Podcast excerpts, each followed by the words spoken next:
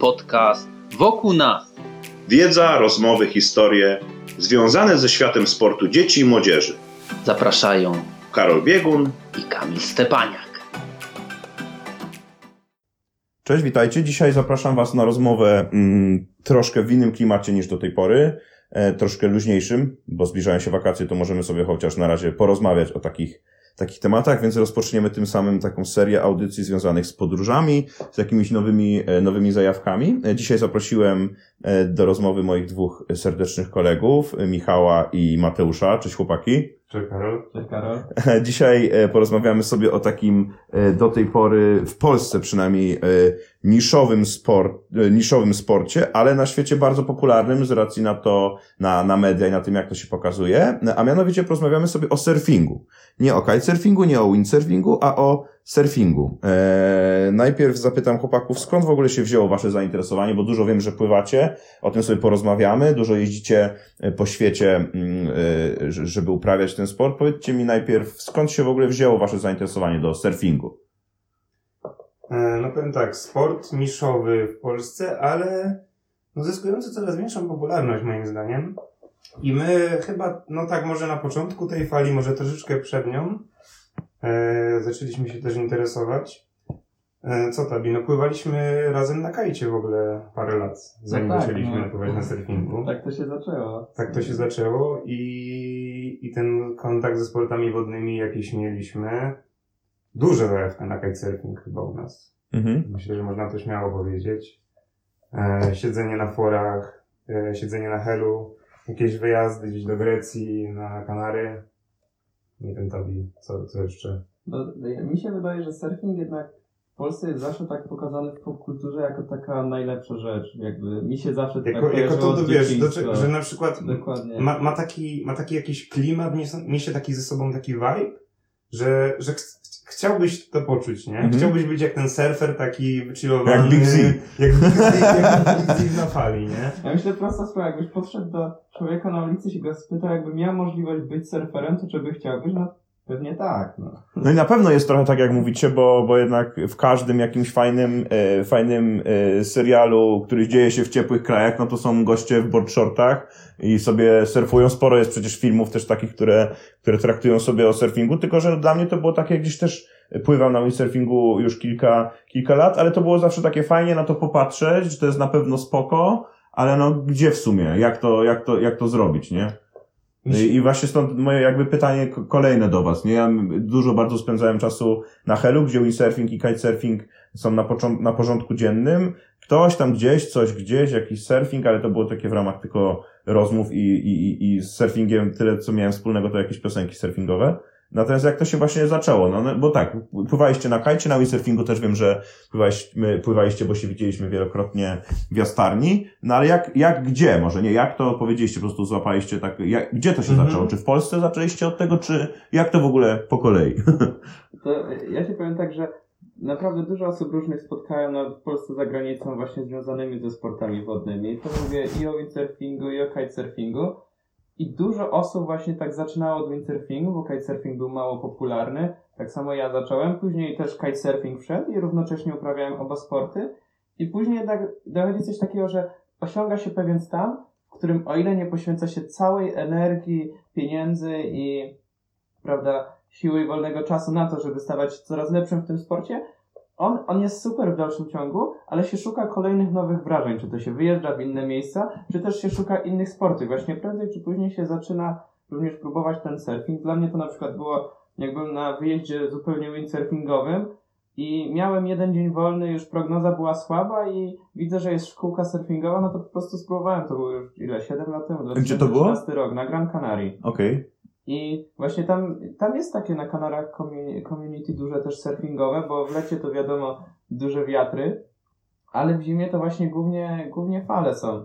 I e, właśnie spróbowałem wtedy pierwszy raz taką dużą, prawda, deską wypornościową i no myślę, że mentalnie jednak to była, to była duża zajawa. No nie, nie pociągnąłem tego od razu dalej, tylko raczej było na podobnej zasadzie, że jakoś to robiłem trochę sam, nie miałem wsparcia zawsze jak się ze znajomymi coś robi, to jest łatwiej to tak na kolejnych wyjazdach też jak byłem na kajcie czy na windzie, to sobie właśnie jakiś tam jeden, dwa dni zawsze jakoś tak odkładałem na bok na tego surfa i tak stopniowo Czyli na początku tak, więcej. to był taki, to był taki dodatek, nie punkt docelowo je, jedziesz na surfa, tylko jedziesz jakby na, na kajta albo na, na windsurfing, ale dodatkowo też już gdzieś tam wplatasz sobie tego, te, ten surfing, tak? Dokładnie, dokładnie tak. Okej, a u ciebie Mati? E, no ja się na pewno zgadzam z Tapsonem z tym, co powiedział, że w pewnym momencie osiągasz taki poziom, że faktycznie albo mówisz sobie, dobra, posiedzę na przykład, jeśli chodzi o, kitesurfing, kolejne 4 tygodnie na helu, będę katował nowy trik i się go nauczę, albo po prostu nie zrobisz tego progresu. No i wtedy jest taki moment, e, że, że ta twoja zajawka no już nie jest tak silna, już, już jakby jesteś wypływany i, i chciałbyś spróbować czegoś nowego, szukasz po prostu nowych wyzwań, nowych wrażeń. No i ja do takiego punktu doszedłem chyba w 2016 roku, ile się dobrze nie mylę, 2015 albo 16 rok to był, e, gdzie właśnie byliśmy w okresie podobnym jak jesteśmy teraz, czyli majówka, ja to było troszeczkę przed majówką. No i ja powiedziałem sobie, jakoś chyba nie mogliśmy jechać na kajta razem. Powiedziałem sobie, kurczę, nie chcę jechać znowu samemu na kajta, chcę spróbować czegoś nowego. I po prostu googlując znalazłem jakąś firmę, która organizowała wyjazd na Sardynię. Aha. Nie wiadomo dlaczego za bardzo na Sardynię, nie był to dla mnie taki oczywisty kierunek surfingowy. Tak zwana sardynka. No nie był to oczywisty kierunek surfingowy, znany, znany z dobrych wiatrów, y, z fal no nie był mi znany. No ja powiedziałem sobie, trochę logikę podszedłem od tyłu, mówię, dobra, jest tam wyjazd, to znaczy tam fale też muszą być. No, w praktyce y, mo- może, może nie, nie, logika się aż tak nie sprawdziła, ale, ale jakieś fale trafiłem. E, no i od razu tego bakcyla złapałem. Poznałem, poznałem w ogóle bardzo fajną osobę, jaką jest Maciek Krystosiak. On do tej pory działa w surfingu w Polsce, mocno ten sport rozwija właśnie. Ma szkółkę teraz chyba na Helu, nie wiem czy organizuje dalej wyjazdy zagraniczne. W każdym razie to on tak prawdziwie zaraził mnie tym sportem od takiej strony merytorycznej. Mhm. To znaczy nie, mówi mi, masz tu deskę, masz falę, idź, pokazuj alożkę i, i bądź surferem, tylko faktycznie zaczął mi tłumaczyć, o co w tym wszystkim chodzi, tak, wiesz, od podszewki, Aha. jakbyś chciał się czegoś nauczyć, tak byś się uczył, wiesz, jeździć na rowerze od zera, nie? Aha. Tłumaczył ci wszystko po kolei. I faktycznie, mimo iż spędziłem tam chyba bodajże 10 dni i nie złapałem dużo fal. Zresztą każdy, kto, kto miał jakąkolwiek styczność z surfingiem, wie, że na początku ta liczba fal złapanych jest stosunkowo, stosunkowo mała, ale wystarczająca, żeby, żeby złapać taką, faktycznie złapać tego bakcyla. Wiedziałem już wtedy, jak wyjeżdżałem z Sardynii, że okej, to był mój pierwszy wyjazd i zacząłem od razu szukać następnego. Mhm. Że już po prostu wtedy byłem w liceum, albo, albo na Nie, pierwszym w liceum roku, jeszcze, w w liceum. albo na pierwszym roku studiów i po prostu patrzyłem, kiedy mam następne wolne, Aha.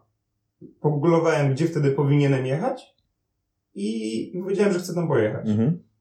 Mm, No i pierwszy, pierwszy taki prawdziwy już surfing na, na prawdziwej długiej fali, e, w takiej maksymalnie surferskiej atmosferze, to był już na Bali. Bo akurat miałem takie szczęście, że, że trafiłem akurat na, na Bali z rodzicami tamtego lata. No i oczywiste było, że jako, że to jest swego rodzaju mekka surfingu na świecie w ogóle, Mhm. no to, to muszę tam spróbować. I tam faktycznie już e, pozwoliło mi to rozwinąć ten surfing do takiego poziomu, że już następne wjazdy mogłem w jakiś sposób organizować sobie sam. Okej, to zanim, zanim jeszcze przejdziemy sobie do takich stricte destynacji surfingowych, na czym chciałbym się za, zatrzymać na pewno na dłużej, to po, poruszyłeś ciekawą, ciekawy temat i też wydaje mi się, że dla, dla słuchaczy będzie to interesujące. Tam powiedziałeś o, y, o merytoryce mm, jakby całego surfingu. Y, podejrzewam, że jest sporo osób, którzy, którzy nas słuchają, którzy nie do końca wiedzą tylko surfing, okej, fala, ale po, jakbyście mieli powiedzieć w kilku, kilku zdaniach, y, na czym to polega. No bo jak windsurfing, no to jest przypięty żagiel do deski, dzięki sile wiatru, tam różnym y, innym fizycznym tematom się przemieszczamy. W kitesurfingu latawiec ciągnie nas, ok? A jakbyście tutaj mieli w kilku zdaniach dla kogoś, kto wie, ty, widział tylko y, Big Z na fali, zygzak, inne rzeczy, by- jakbyście mieli powiedzieć, co byście powiedzieli? No to tak, no z surfingiem, no to z czysto takiej teoretycznej e, strony, no to wiadomo, że w momencie, w którym jesteśmy na fali, no to siła grawitacji nas ciągnie w dół. Na fali to znaczy jakby na grzbiecie, na Tak, górze, tak? myślę- Okej. Kiedy jesteśmy na, na górze fali, to siła grawitacji nas ciągnie w dół i przy okazji fala nas przepycha do przodu, przez to zjeżdżamy z niej. Zjeżdżanie z fali po prostu, Dokładnie okej? i wtedy nabieramy prędkość. Jak nabierzemy odpowiednią prędkość, tak że nas ta fala pociągnie i jesteśmy na niej w stanie spłynąć, no to osiągamy, prawda, wtedy wyporność i wtedy jesteśmy w stanie ustać na tej desce i możemy skręcać, zakręcać po tej fali. Myślę, myślę, że tylko tak w celu uporządkowania dla kogoś, kto nie miał w ogóle styczności nigdy z surfingiem, e, takie etapy nauki mniej więcej wyglądają tak, że zaczyna się zawsze od tak zwanej białej fali, czyli takiej piany, która po prostu fala e, dochodzi do brzegu, pieni się i posiada dość dużą moc, która jest w stanie przepchać cię do przodu. Mhm. Wtedy, gdy bierzesz taką dużą deskę piankową, no to bardzo łatwo taką falę złapać. Piankowo, czyli tak na przykład jak SUP, tak? Jak te Tak. takie teraz Tak, popularne więcej- te, te deski więcej- z wiosłem, tak? Na Czy, przykład czy nie aż tak? To, E, że, daleko, po- że daleko poleciałem. To jest, y, s- sapy to są trochę, to jest trochę inny temat, bo one chyba, przynajmniej z tego co mi się wydaje, zostały stworzone, żeby pływać po prostu na dystans po płaskiej wodzie, a zostały potem zaadaptowane Aha. do pływania na fali. Natomiast y, no, na początku zaczyna się z bardzo dużą deską, która pozwala przy tym mieć bardzo dużą wyporność. Taką bym I- sobie wziął. I tak, Tak. i to jest, i to jest przez, to, przez to jest po prostu łatwe, taka deska jest stabilna. No tak jak w windsurfingu też zaczynasz Tak samo, zaczynasz od największej możliwej deski, a potem schodzisz litrażem do, do, Do do maksymalnie, maksymalnie małej. E, W surfingu jest podobnie. W momencie, gdy przejdziesz ten etap łapania tej białej wody, to przychodzisz do takiego surfingu treściwego, powiedziałbym. Mhm. To znaczy tego, czyli, czym naprawdę jest surfing i, i co może dla wielu, którzy zrazili się na, na białej wodzie, bo to jest, nie ma co ukrywać, też yy, męcząca, męcząca nauka. No właśnie taka. miałem pytać teraz, bo, bo używasz takiej nomenklatury profesjonalnej y, w, w tym sporcie, czyli jak złapiesz falę, to znaczy, że wpłyniesz na nią, pod nią, To za znaczy, nią. że będziesz w stanie spłynąć z falą do brzegu? Do brzegu. Okej, Nie, ale nie, nie wiem, ciężko mi to teraz w sumie wyjaśnić w sposób, w sposób maksymalnie fachowy od początku. Warto Aha. też może, może dodać w ogóle jeszcze, póki jesteśmy nie bardzo zagłębieni w temat, że, że nie jesteśmy, nie czujemy się na pewno jacyś wyjątkowo kompetentni, jeśli chodzi o surfing taki od strony zawodowo-profesjonalno-coachingowej. Jesteśmy po prostu, po prostu dwójką osób, które, które złapały kiedyś bakcyla i, i po prostu poświęcają swój wolny czas na, na rozwijanie tej pasji. Ale rozmawiamy, bo to nie Pewnie, jest jeszcze pewnie. popularny sport w Polsce, więc niewiele Jasne. osób w ogóle y, go uprawia. Okej, to jeszcze y, pójdźmy sobie dalej jeszcze troszeczkę tutaj przy naszym podwórku, zanim wypłyniemy na szerokie wody turystyki surfingowej. W Polsce mieliście okazję gdzieś, bo tam mówiłeś, ty byłeś na Bali, na, na, na Sardynce, potem na Bali, ty byłeś y, tabi na Kanarach, a w Polsce mieliście okazję surfować, czy raczej, raczej średnio? Mieliśmy, mieliśmy okazję dwa lata temu y, pływać na Bałtyku i to było w wakacji. To też trochę tak jak ten wyjazd, że tak powiem, przypominał te nasze wcześniejsze, gdzie pojechaliśmy na kajta, a przy okazji tak wyszło, że jakieś tam No właśnie widzieliśmy było. wtedy. Pojechaliście Tak gdzieś było, do tak chałup, że fajna fala. Pojechaliśmy do Jastarmi na kajta, popływaliśmy na kajcie rano, popatrzyliśmy, jest, jest w ogóle, są, pojawiają się już w Polsce Mhm. wraz z, z popularyzacją surfingu takie tematy jak prognozy na Bałtyk surfingowy. Mhm. Właśnie sprawdziliśmy stronkę z prognozą, no i pojechaliśmy do chałup, wzięliśmy dechy piankowe z wypożyczalni mieliśmy parę fajnych godzin zabawy. Zupełnie, Okej. zupełnie udanej. W chałupach, rozumiem. W chałupach, Okej. tak, w chałupach na plaży. Yy, Ja jeszcze raz w życiu zaliczyłem fajny surfing w Polsce i to naprawdę byłem zaskoczony jakością tego surfingu, bo to naprawdę, mimo iż Bałtyk no w ogóle nie jest kojarzony z falami. Yy, Są bardzo, Bałtyk ma takie tak, krótkie bardzo krótkie, fale. nie? bardzo, bardzo nierówne fale. Wybrałem się w listopadzie zeszłego roku, jakoś w połowie listopada, właśnie na prognozy z moim kolegą serdecznym z Warszawy. No i powiem szczerze, że 2-3 godziny pływałem e, we Władysławowie przy wejściu do portu. To jest e, jeden z najbardziej popularnych na, w tym momencie spotów na Bałtyku. Naprawdę świetne pływanie. Twoje Długie, ulubione dobre, Władysławowie. długie, dobre, długie, dobre fale, jak powiedziałbym, jak na, naprawdę na dobrych spotach na świecie. I z, a z czego to tam wynika? Że Z czego to akurat tam wynika? W Polsce to zawsze wynika yy, z wiatru. To znaczy Okej. nie tworzy się, to nie jest ocean, nie tworzy Mhm. się fala w taki sposób jak na oceanie, tylko fala jest nierozłączna z wiatrem. Mhm. I najlepsze możliwe polskie warunki, przynajmniej jakie ja trafiłem i jakie wydaje mi się można trafić, to są warunki po mocnym sztormie, Mhm. kiedy wiatr już zgaśnie i zostaje sama fala po prostu rozkołysł morza. Mhm. I właśnie to były warunki w listopadzie. Czyli w, w listopadzie w naszym ulubionym To są, Władysławowie. to są na, nawiasem mówiąc, to są przecież warunki, które my, my też znamy i, i znamy też Władysławowo w takich warunkach, bo we wrześniu zeszłego roku, czyli jeszcze zanim tam pływałem, byliśmy na, na rejsie na Bałtyku i wracaliśmy, wracając zatrzymaliśmy się w Władysławowie. Przymusowo. Przymusowo, to prawda. nie wiem czy, czy, czy pamiętacie historię. tam z własnej woli raczej. Tak, ten Z własnej woli byś, bym tam na pewno nie No, zaparkował, no innej, ale... innej możliwości jak surfing, tudzież właśnie taka sytuacja jak, jak nasza, że, że byliśmy zmuszeni po 20 ilu godzinach? No nie, to jak pokrótce by, p, p, p, wpłynęliśmy z, z, ze Szwecji z, z Kalmaru albo z Grunhogen. Nie pamiętam skąd my płynęliśmy. Płynęliśmy, wydaje mi się, że płynęliśmy z Bornholmu. Tak, z Bornholmu Tak, płynęliśmy. przed Czyli, ukryliśmy. tak, ukryliśmy się przed sztormem na Bornholmie i stwierdziliśmy, dobra, już musimy wracać, bo ten sztorm y, się zawija i znowu będzie, będzie duży, no i, i, i musieliśmy płynąć do Polski szybko. Natomiast łódka była w takim stanie, że, że silnik nam się y, zepsuł, zatarł, zalał i, i do Władysławowa y, y, mieliśmy płynąć do Gdańska, czyli mieliśmy jeszcze tam, byliśmy na wysokości Władysławowa, mieliśmy płynąć do Gdańska, e, ale widzieliśmy już, że wiatr się kończy, silnik, silnik nie, nie daje rady, a mamy jeszcze 15 godzin przynajmniej do tego Gdańska, no to zawijaliśmy do Władysławowa przymusowo e, i nie było chłodzenia tego silnika, więc kolega Janek z kolegą Rafałem wlewali po prostu wodę z butelek do chłodnicy, żebyśmy byli w stanie wjechać do tego, Lali, lali silnik Tak. wodą. żebyśmy wjechać do tego Władysławowa, które zresztą w, w, pod koniec września było po prostu obrzydliwe. No nie jest, nie jest to przyjemne. Na swoją obronę Mimo, że możemy... zamknięty. Mimo, że zamknięty. Na swoją obronę możemy tylko powiedzieć, że, że silnik zatarł nam się w sztormie w środku nocy, Tak. więc, więc nie było to Próbowaliśmy gdzieś tam chyba się refować, więc włączyliśmy silnik, y, ale fale były tak duże, że ten silnik wyskakiwał cały czas z wody, no i Tak, się tak było. Ale do czego, do czego zmierzam właśnie, że to była dokładnie sytuacja, kiedy pojawiają się dobre fale na Bałtyku i wtedy na chyba, o ile dobrze pamiętam, właśnie gdy wracaliśmy, to w międzyczasie w Polsce w Chałupach były rozgrywane Mistrzostwa Polski w surfingu. Mhm. Jest taki event, zaznaczam od razu dla, dla słuchaczy. E, bo był mocny sztorm, potem zgasł wiatr na cały dzień i właśnie, jak pamiętacie, jak wypływaliśmy z Bornholmu już wieczorem, to tylko minęliśmy główki portu i od razu pojawił się bardzo duży Tak. bardzo fala. Obrzydliwie wielkie lochy. Tak. To są dobre warunki do surfingu na Bałtyku.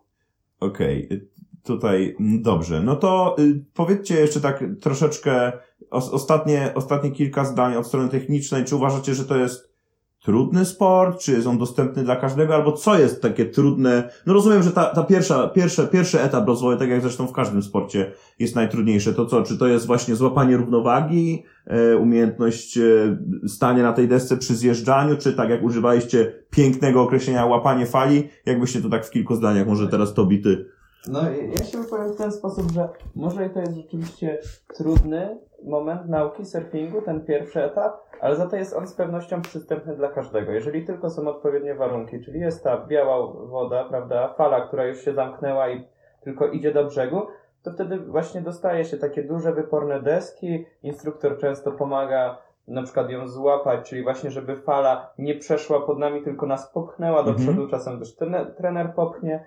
I mm, jako przykład myślę, że mogę podać tutaj sytuację sprzed dwóch lat, kiedy byliśmy, byłem z rodzicami na Sri Lance na wakacjach, prawda, zwiedzaliśmy całą wyspę i również zarezerwowaliśmy sobie tam chwilę czasu na to, żeby, e, żeby tam spróbować surfingu. No i wtedy sam sobie, prawda, wypożyczyłem deskę i, i pływałem, ale też i moja siostra, która za bardzo e, z surfingiem wcześniej nie miała dużo wspólnego i moja mama nawet spróbowała i widziałem je obie, jak stawały na desce właśnie na tej białej fali.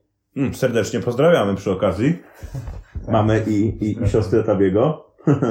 e, co? A ty Mateusz byś coś dodał?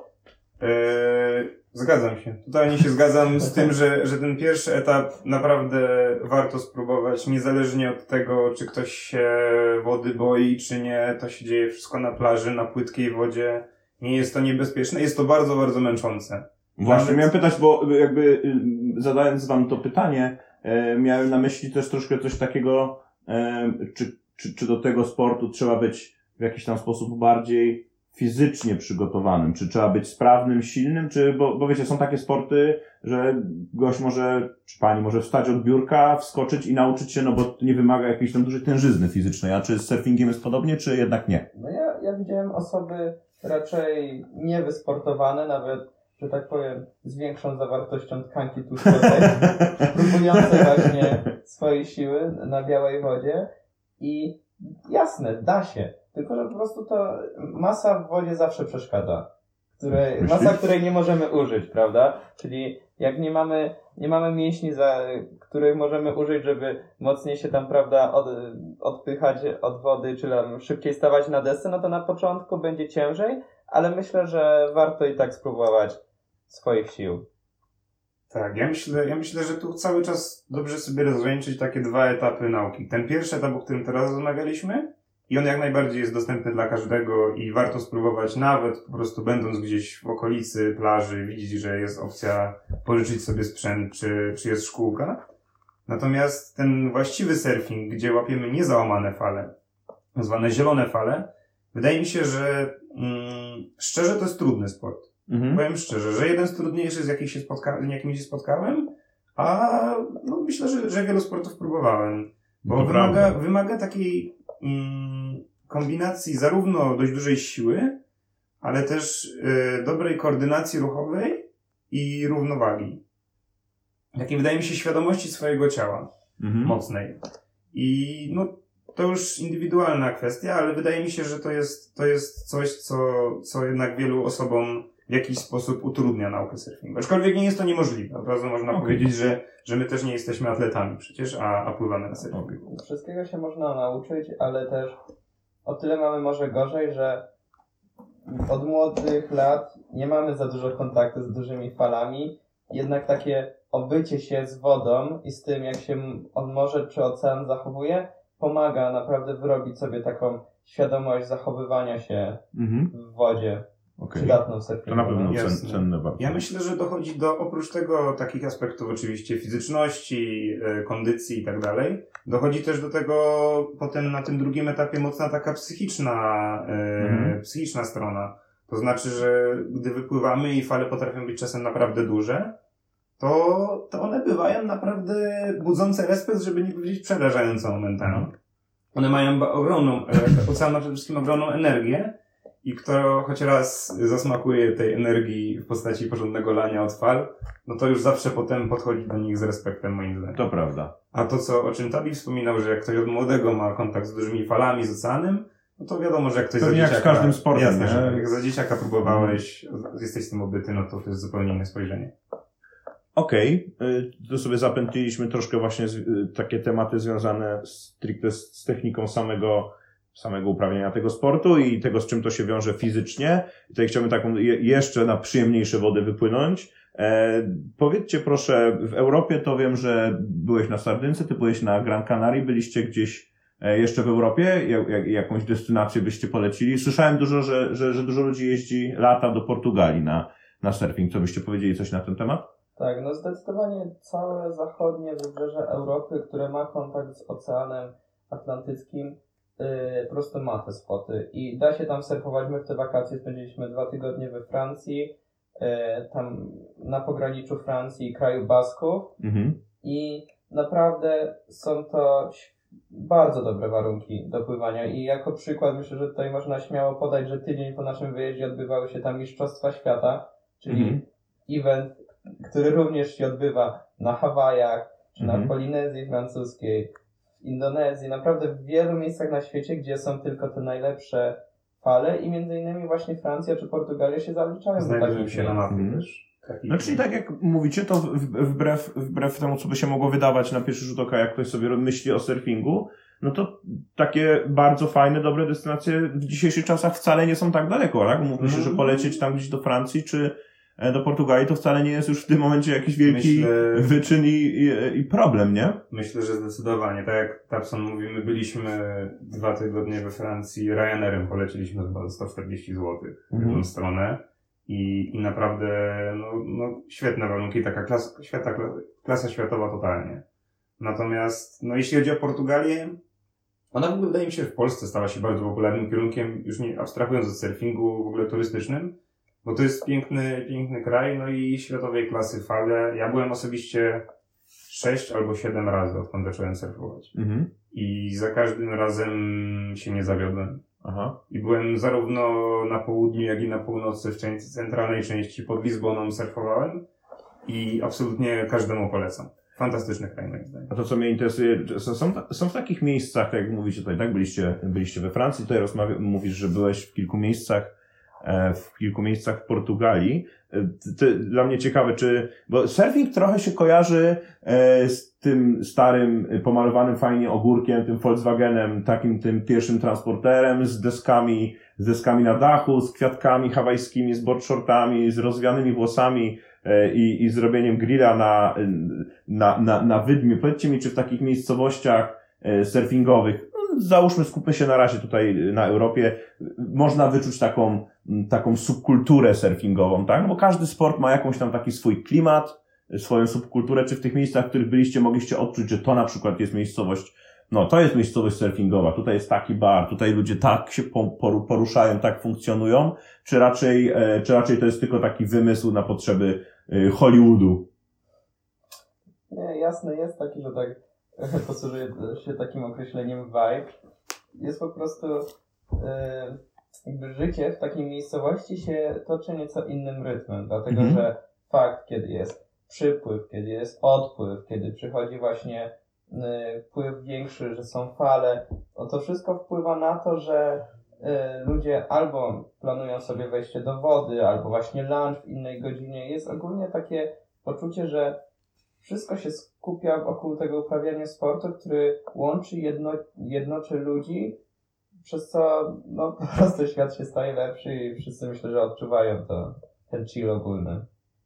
Tak, to prawda. To prawda, yy, z tym, że dochodzi też oczywiście taki aspekt, że, że miejsca, większość miejsc, które odwiedzaliśmy yy, w celu surfowania w Europie, no to są też miejsca turystyczne, właśnie ze względu na, na, na popularność surfingu w nich. Więc, więc ten, wydaje mi się, że, że często pojawia się taka atmosfera, która jakby wraz z rozwojem tego miejsca jako destynacji surfingowej Mhm. zaczyna się pojawiać taka atmosfera, po prostu te dwa, dwie, dwie rzeczy są kojarzone, że wraz z surfingiem ludzie lubią ten taki klimat surferski, tych y, surferów chodzących z blondwłosami, dziewczyny w bikini, Mhm. piwka na plaży, czy grill właśnie nawet na jak mówisz. Ale wydaje mi się, że jest wciąż bardzo dużo fajnych miejsc dzikich, takich mniej częszczanych. Ja osobiście bardzo, bardzo fajnie wspominam właśnie, jeśli chodzi o taki surferski klimat, to chyba najbardziej e, wspominam e, jednego z, jednego chyba z pierwszych podróży do Portugalii, gdzie wynająłem sobie właśnie kampera. Mhm. Nie była to ta jedynka ogórek, ale, ale był to troszkę większy, nowoczesny kamper. I jechaliśmy z szóstką znajomych właśnie od południa aż do Lizbony i zatrzymywaliśmy się po prostu gdzieś na wybrzeżu, surfowaliśmy, robiliśmy grilla na wydmie i, i piliśmy wino z butelki. No i absolutnie e, fantastyczny sposób spędzania urlopu. Polecam każdemu, żeby spróbował sobie choć raz, jeśli całe życie jeździł raczej na zorganizowane wakacje do hotelu, Mhm. chociaż raz w życiu spróbować sobie czegoś innego. Tak jak mówisz, to chyba, to chyba też dużym plusem e, surfingu e, jest to, że tego typu zwiedzanie mm, danego kraju czy danej, danej okolicy jest logistycznie dość łatwe, prawda? Bo tutaj z tego co mówicie, to wystarczy mieć, jak jest zimno, no to pianę i deskę, jak jest ciepło, to zwykłe board shorty i deskę, gdzie to jesteśmy w stanie dechę zmieścić, czy przypiąć na szybkości na dachu, czy wrzucić do bagażnika, gdzie przy innych sportach jednak ta logistyka jest troszkę bardziej skomplikowana. Ja, ja pływam na, na, na windsurfingu, no to jednak tych klamotów, tego wszystkiego y, jest trochę więcej, nie? I to, to chyba też jest sporym plusem tego, tego surfingu. Nie wiem, jakbyście to skomentowali. No to jest, był chyba jeden z wielu powodów, dla których właśnie stopniowo porzuciliśmy te inne sporty na, na rzecz surfingu. No to jest wielka wygoda. Wstaje się, je śniadanie, wychodzi się z apartamentu, czy z, z domku jakiegoś, czy gdziekolwiek się mieszka, czy nawet z vana, bierze się tylko ze sobą deskę i już można pływać. Nie trzeba rozkładać kajta, nie trzeba tych linek rozwiązywać, czy w windsurfingu nie trzeba, prawda, całego żagla rozkładać i i dostrajać tego wszystkiego. Więc myślę, że y, też dużo łatwiej zabrać ze sobą nawet z Polski sprzęt, prawda, na jakiś spot. No i fakt, że jest to proste, też sprzyja jednak niższej cenie. Mhm. surfingu. W porównaniu do kitesurfingu czy windsurfingu, zarówno sprzęt, jak i lekcje, czy wypożyczenie, czy kupno sprzętu są jednak tańsze. No właśnie od razu zap- y- wyposażyliście się we własne dechy, czy, czy w tych miejscach, do których jeździliście? Mówię tak, na razie rozmawiamy sobie jeszcze o Euro- Europie, zanim przejdziemy dalej, mam nadzieję. E, Czy są w tych takich miejscach e, słynnych z surfingu już wypożyczalnie sprzętu i, i warto to robić, wypożyczać, czy jednak ten sprzęt jest na tyle w przystępnych cenach, że lepiej sobie kupić swoje? Jak, jak, jak to byście ocenili? Jak to było u was na początku? Mm, wiesz co, yy, odpowiadając na pytanie tak, zdecydowanie, zdecydowanie, zdecydowanie yy, jest spora, spora liczba miejsc, gdzie można wypożyczyć sprzęt. Yy, szkółek oczywiście też jest ogromna liczba. Mm, wydaje mi się, ja przynajmniej tak to, tak, tak uważam, że w momencie, gdy cały czas yy, te deski wraz z postępem yy, nauki surfingu, no to wiadomo, że też zmienia się troszeczkę sprzęt, tak jak w pozostałych sportach Mhm. wodnych. Więc w momencie, gdy cały czas yy, progresujesz mocno, te pierwsze, pierwsze godziny, dni na wodzie, to jest mocny progres i gdzie, gdzie ten sprzęt często zmieniasz, wydaje mi się, że, że zakup sprzętu jeszcze nie jest konieczny. Czyli Natomiast po prostu do momencie- pewnego etapu, kiedy Tak, jest się, wyraźny rozwój, tak, że przeskakujesz z coraz to łatwiejszej deski na coraz, na coraz trudniejszą, do pewnego momentu warto jakby jednak wypożyczać, tak? Tak, bo ten, te ceny są, wypożyczenia samego są bardzo przystępne, zwłaszcza tych desek takich yy, dla osób progresujących. Natomiast w momencie, gdy osiągniesz już jakiś poziom i, i tą swoją deskę mógłbyś mieć, gdyż ma to konkretny, ma to sens, po prostu, bo, bo jesteś na tyle dobry, że, że też często w wypożyczalniach ciężko dostać taką deskę. Mhm. To jednak wypożyczalnie skupiają się głównie na deskach dla osób początkujących, ewentualnie średnio zaawansowanych. Mhm. Więc myślę, że, że w momencie, gdy się osiąga pewien poziom, fajnie sobie własny sprzęt sprawić. Tym bardziej, że nie jest to aż tak droga inwestycja jak Okej. w przypadku kite'a czy wing. I zawsze to też ci daje taką wolność. Można pojechać na inny spot, można tę deskę, prawda, wziąć ze sobą w przeróżne miejsca i tak naprawdę nic cię nie ogranicza. No jasne. Prawda? Żaden deadline, że musisz oddać deskę na przykład do jutra, Mhm. albo i od nowa ją zabukować. Możesz pojechać do innej miejscowości, możesz zrobić co chcesz. Jasne. Super. To jeszcze zbliżając się powoli do końca, ale jeszcze nie, e, pofrójmy może gdzieś dalej. Gdzie byliście poza, poza Europą w celu uprawiania surfingu? To Mateusz mówiłeś, że byłeś na Bali, więc może na tym się też pochylimy, a ty, ty Tabi? No ja mówiłem, na Sri Lance też surfowałem, no i w zasadzie poza Europą, no to oboje pływaliśmy też w Maroku. O, Tak. no to może byśmy się skupili na, na, na jednym i coś byście Mo- możemy, opowiedzieli. możemy rzucić bali w pierwszy ogień, tylko szybko, bo to się wiąże właśnie ze sprzętem. Aha. Eee, Pierwszy raz byłem na Bali właśnie w pierwszym roku, w którym surfowałem. Tam zrobiłem duży progres, ale wciąż byłem osobą średnio, no początkującą, średnio zaawansowanym powiedzmy sobie. I na Bali wróciłem drugi raz y, w te wakacje. Miesiąc czasu poświęciłem właśnie na y, wolontariat na Bali. Mhm. E, Pracowałem z dzieciakami z sierocińca, uczyłem ich angielskiego. I przy okazji oczywiście w wolnym czasie surfowałem.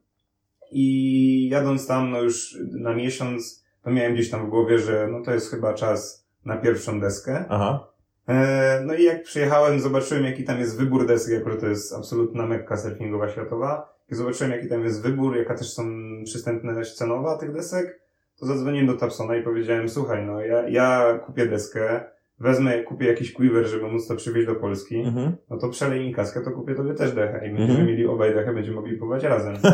No i, i tak się też stało. Ja, ja przywiozłem swoją, na której pływałem miesiąc już tam, no a Tapsonowi przywiozłem brand new dechę Ale z. Bali. No i od tego czasu mamy, mamy własne dechy. Mhm. A ty byś, może na przykład o tej Sri Lance coś opowiesz? Tak, no Sri Lanka jest ogólnie bardzo popularną destynacją, ponieważ jest tam bardzo duży wybór fal.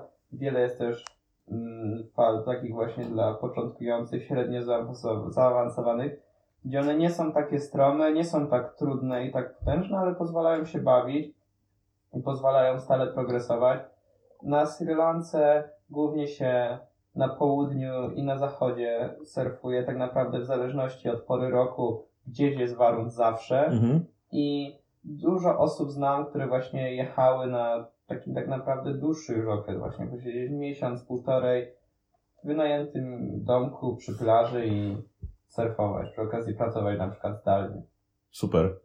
Bardzo fajnie się Was, panowie, słucha, e, więc ja bym chciał, ko- kończąc tę rozmowę, zadać Wam takie, zadać takie pytanie mm, na koniec. E, Jakbyście mieli e, wybór, żeby w jedno miejsce pojechać i do końca życia tylko w tym miejscu surfować, to jakie to byłoby miejsce na świecie?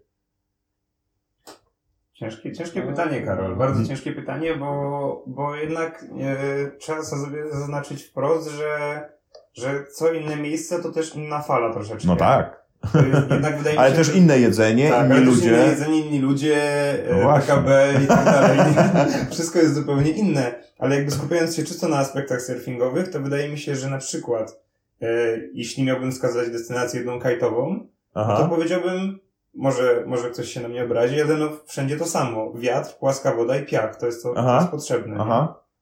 Natomiast na, na, ten, e, na tą surfingową destynację, no to musiałbym znaleźć miejsce, gdzie na fali pływało mi się tak dobrze, że stwierdziłbym, że to jest, to jest taka fala, na której Ale chcę teraz pływać, musisz wybrać. To jest taka gra. Jakbym miał teraz wybrać, no to nie wiem, czy nie wróci, nie, nie wróciłbym na Bali, ale wróciłbym na którąś z sąsiednich wysp Indonezji, myślę. Okej.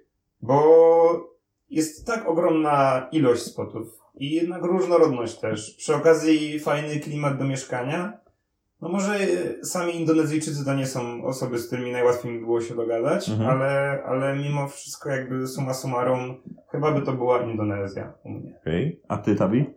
Ja myślę, że myślę, że też jedna z mniejszych wysp Indonezji, ewentualnie Australia, no ale to już z moją fobią wężów może być Ogólnie to jeszcze, jak już jesteśmy w tym temacie, to jeszcze myślę, że powiem, że surfing zawsze się wiązał z wolnością i też z taką mm, walką jakby o poszukiwanie nowych miejsc, nieodkrytych, gdzie, gdzie nikogo nie było, prawda, surfowanie w jakichś różnych dziwnych miejscach i To jest chyba Tak fajny naprawdę- sposób na, na, na poznawanie takiej, tak, od innej strony popularnych krajów też, nie? Bo Jasne. są takie miejsca po, poza broszurami, które, które gdzieś tam są w no. Neckermanie pokazywane, nie? Wiecie o co mi chodzi? Tak mi się wydaje. Z tego co mówicie, to tak to brzmi. Myślę, że żaden surfer jakby mógł właśnie wybrać najlepszą falę na świecie w jednym miejscu, ale nie może się w ogóle z niej ruszyć, albo może mieć gorsze fale, ale przemieszczać się po całym świecie, tak jak to zwykle Mhm. robią, no to myślę, że każdy wybrałby tą drugą opcję, prawda? Możliwość jednak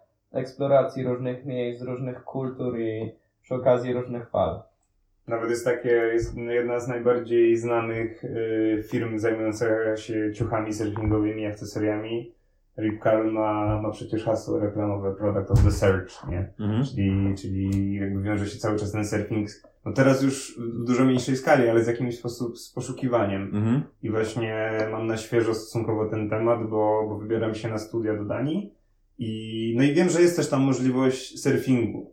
Y, lepszego niż Ale chyba w bardzo grubej pianie, co? bardzo grube. 6-5 mm mniej więcej mają, mają pianki grubości. W każdym razie lepsza fala niż na Bałtyku, gorsza niż w Portugalii. Mhm. Tak bym, tak bym to określił. Ale zawsze. Ale zawsze jest. e, No i, i właśnie zacząłem sobie grzebać w jakichś forach na w Danii. I, I tam bardzo mocno wciąż jest kultywowany ten, ten właśnie sposób takiego szukania fal. Mhm. I oni, ni- tam nikt nic nie pisze wprost na zasadzie, tu jest dobry spot, gdy macie taki kierunek wiatru Mhm. o takiej porze i tak dalej, jedźcie tam pływać. Tylko wszyscy mówią, jedź w ten rejon, szukaj, szukaj, szukaj fal. Aha. Myślę, że to jest też coś, co się teraz dzieje w Bałtyku, bo ja no nie wiem, no 4 lata temu, 5 lat temu, no to tak, nie wiem, coś chałupach wyrysował, to tam wiadomo, że mo- mogło coś zafalować, nie, po sztormie, ale no tyle tego było. Teraz jak się otwiera aplikację jakąś nawet taką międzynarodową yy, i klika się Polskę celem sprawdzenia spotów i prognozy, no to już jest tych spotów kilka, nie? Mhm. Wydaje mi się, że wraz z rozwojem, popularyzacją tych spotów będzie jeszcze więcej, po prostu ludzie, wiesz, zaczną jeździć na plaży, szukać fal, nie? Mhm. To jest fajne, to jest fajne, że w Polsce to się jeszcze może rozwijać w taki sposób. Na pewno, na pewno. Powiedzmy sobie, że gdzieś tam, nie wiem, w Francji czy w kraju Basków, no to już te spoty w jakiś sposób, ta linia brzegowa już jest odkryta, nie? Mhm. Bardziej na pewno. Okej, to y, chłopaki, na koniec powiedzcie każdy jeden tytuł filmu albo bajki, jaki ktoś, każdy powinien obejrzeć związanych z surfingiem. No to nie, no to na pewno... Nie no, to jest na, na 3-4. Aha, 3-4 stands up, na fali. Na fali. dokładnie. Dokładnie. Tym, tym Najlepsza bajka. Najlepsza bajka. Nie ma Zdecydowanie. podjazdu do niej nie ma podjazdu do nafali. Super muzyka i w ogóle, jest, y, zwłaszcza w dzisiejszych czasach, kiedy siedzimy więcej w domach niż wychodzimy, warto sobie włączyć. Słuchajcie, dzięki wam bardzo chłopaki y, Dzięki za serdecznie. ciekawą rozmowę y, i pozdrawiamy was wszystkich i do usłyszenia. Pozdrawiamy. Trzymajcie się.